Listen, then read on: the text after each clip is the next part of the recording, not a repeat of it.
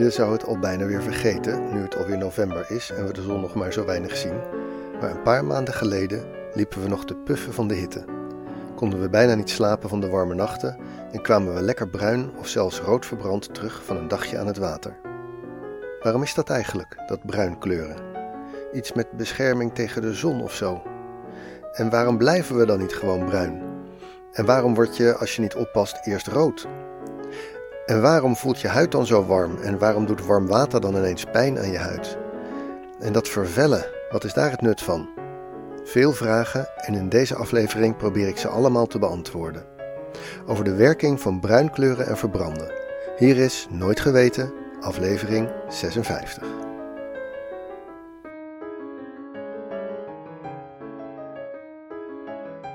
Alles rond bruinen en verbranden gaat over schade door zonlicht.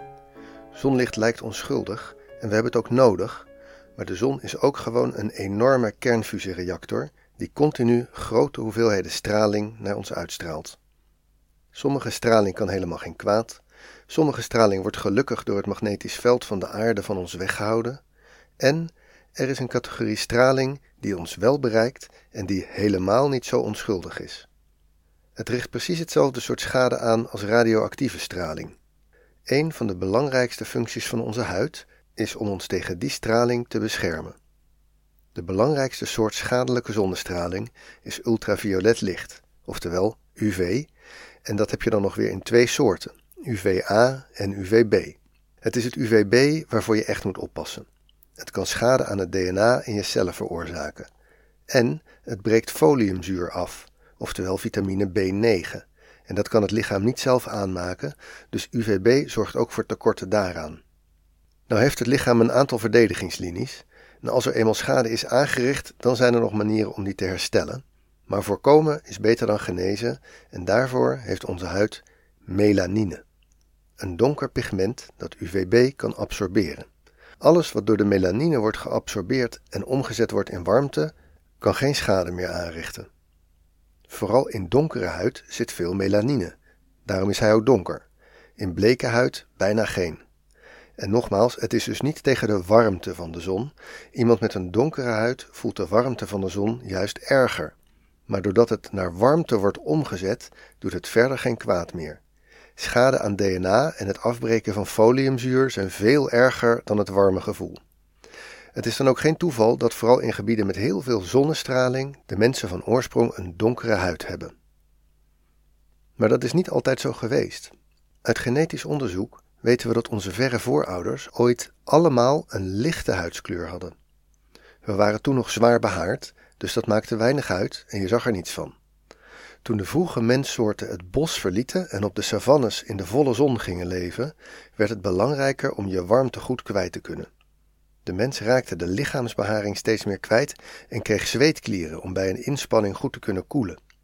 In die tijd werd het ook belangrijk dat de huid beter beschermde tegen al dat directe zonlicht en kleurde de huid van de mens donker met melanine.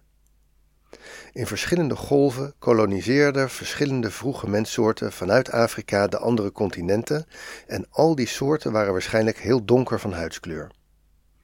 Pas in Azië en Europa liepen ze tegen een beperking van de melanine-bescherming aan.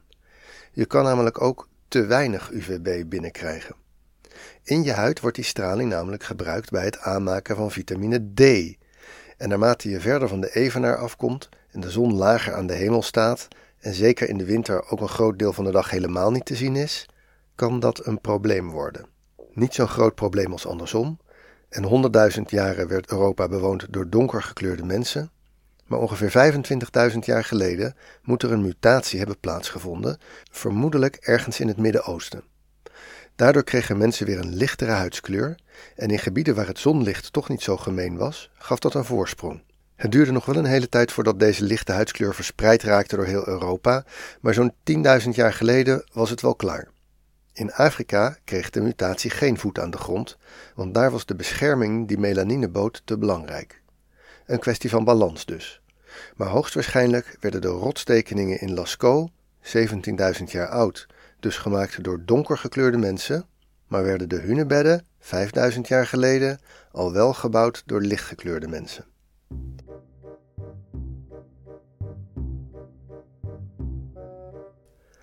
Omdat die balans tussen te veel UV en te weinig UV zo subtiel ligt, hebben we ook nog een extra trucje ontwikkeld. Wat dieper onder de huid liggen cellen die melanine produceren.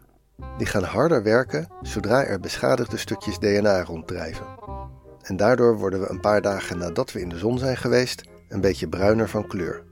En die extra melanine beschermt ons dan weer een beetje extra tegen het kennelijk wat felle zonlicht.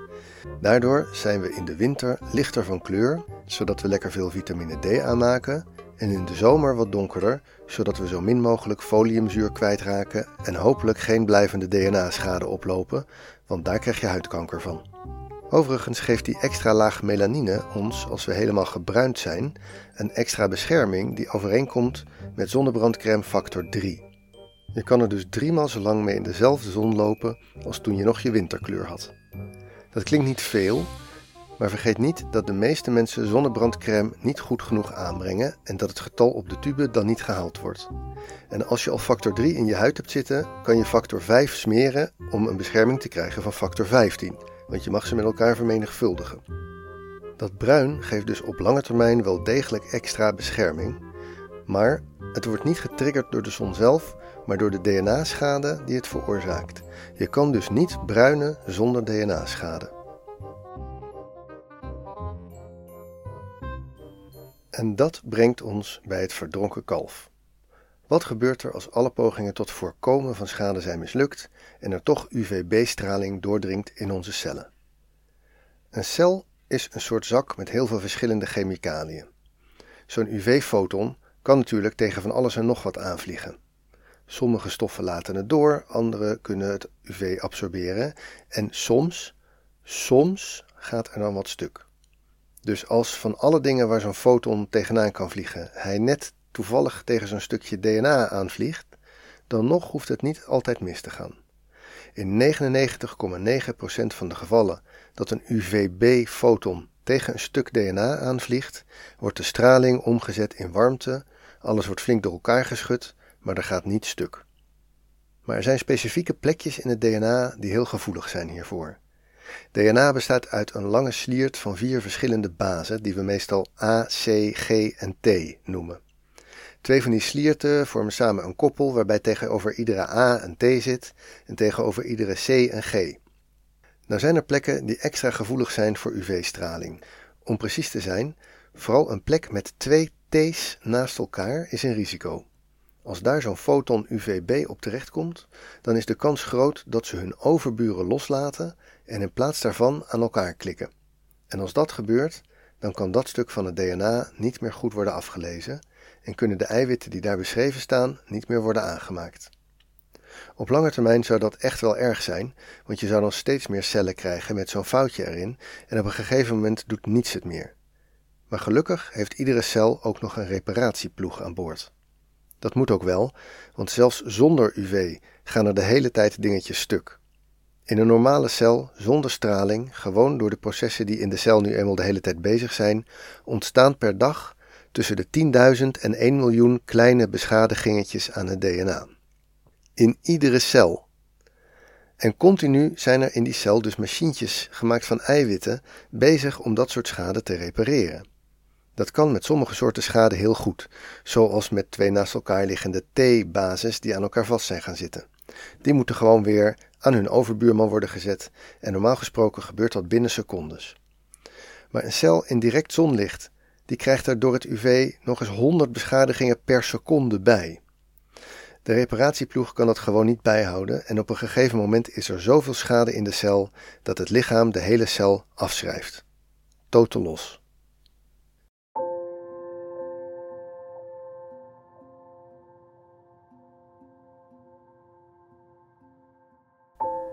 Nou is het sterven van onze cellen niets bijzonders.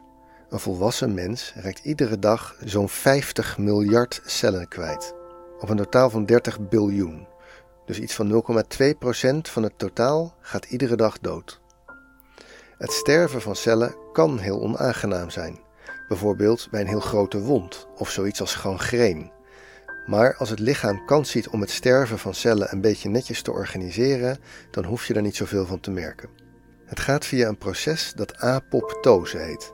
Het kan door een cel zelf opgestart worden, maar het kan ook op commando van buitenaf. Het is een proces waarbij de cel zichzelf buiten werking stelt en daarna een soort zelfdestructieprogramma afloopt.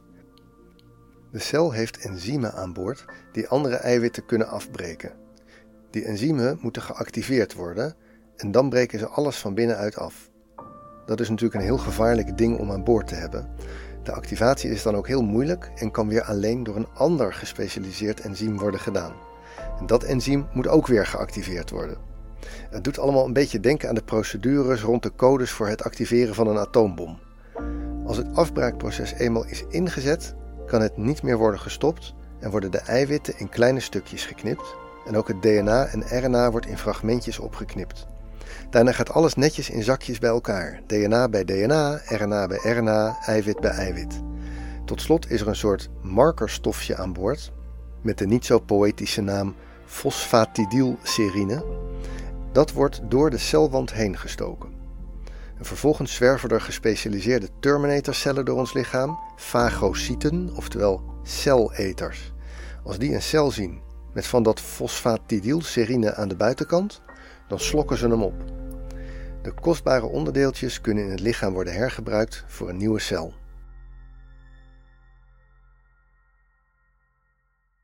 Een prachtig systeem. Cellen zijn toch al een wonder als je over hun werking leest, maar dit mechanisme voor omgang met dysfunctioneren vind ik echt geweldig. Hoe kapot een cel ook gaat, hij kan dus altijd bij een totaal los nog het zelfdestructieprotocol in werking stellen, waarbij we gewoon netjes alles weer tot losse onderdelen afbreken en opruimen en dat ter recycling aanbieden.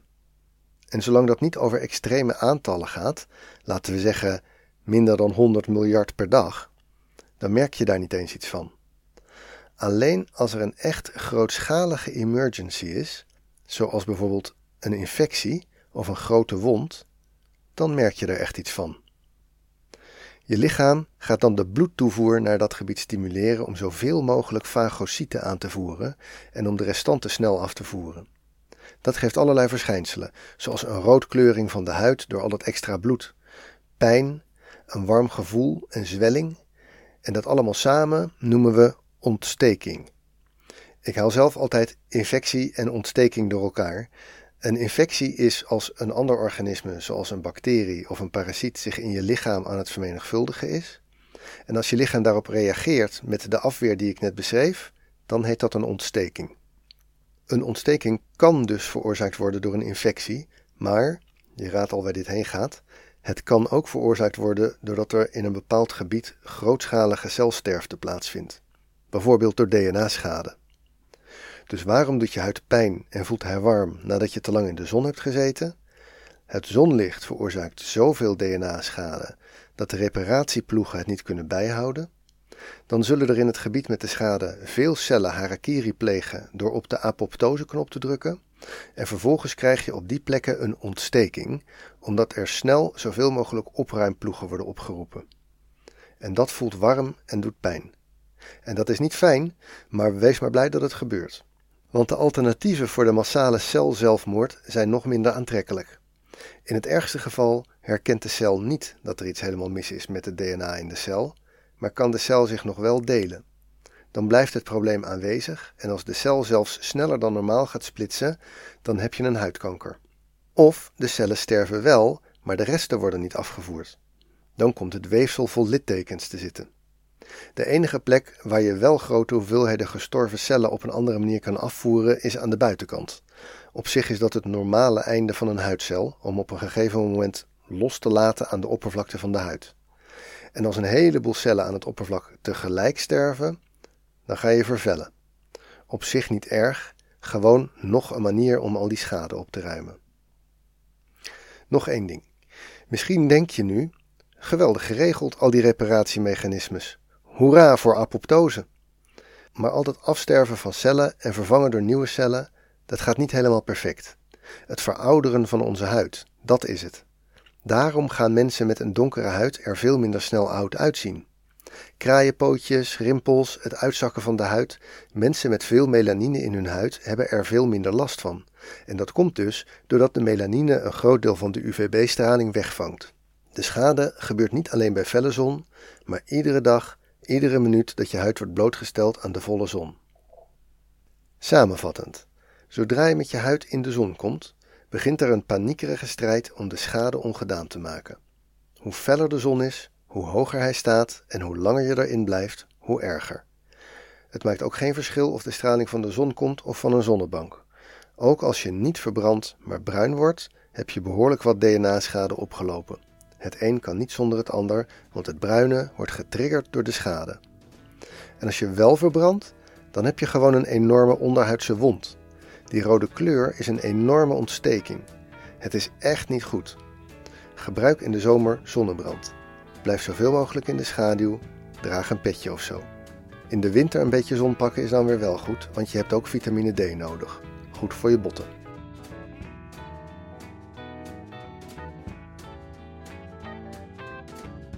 Dit was alweer aflevering 56 van Nooit Geweten.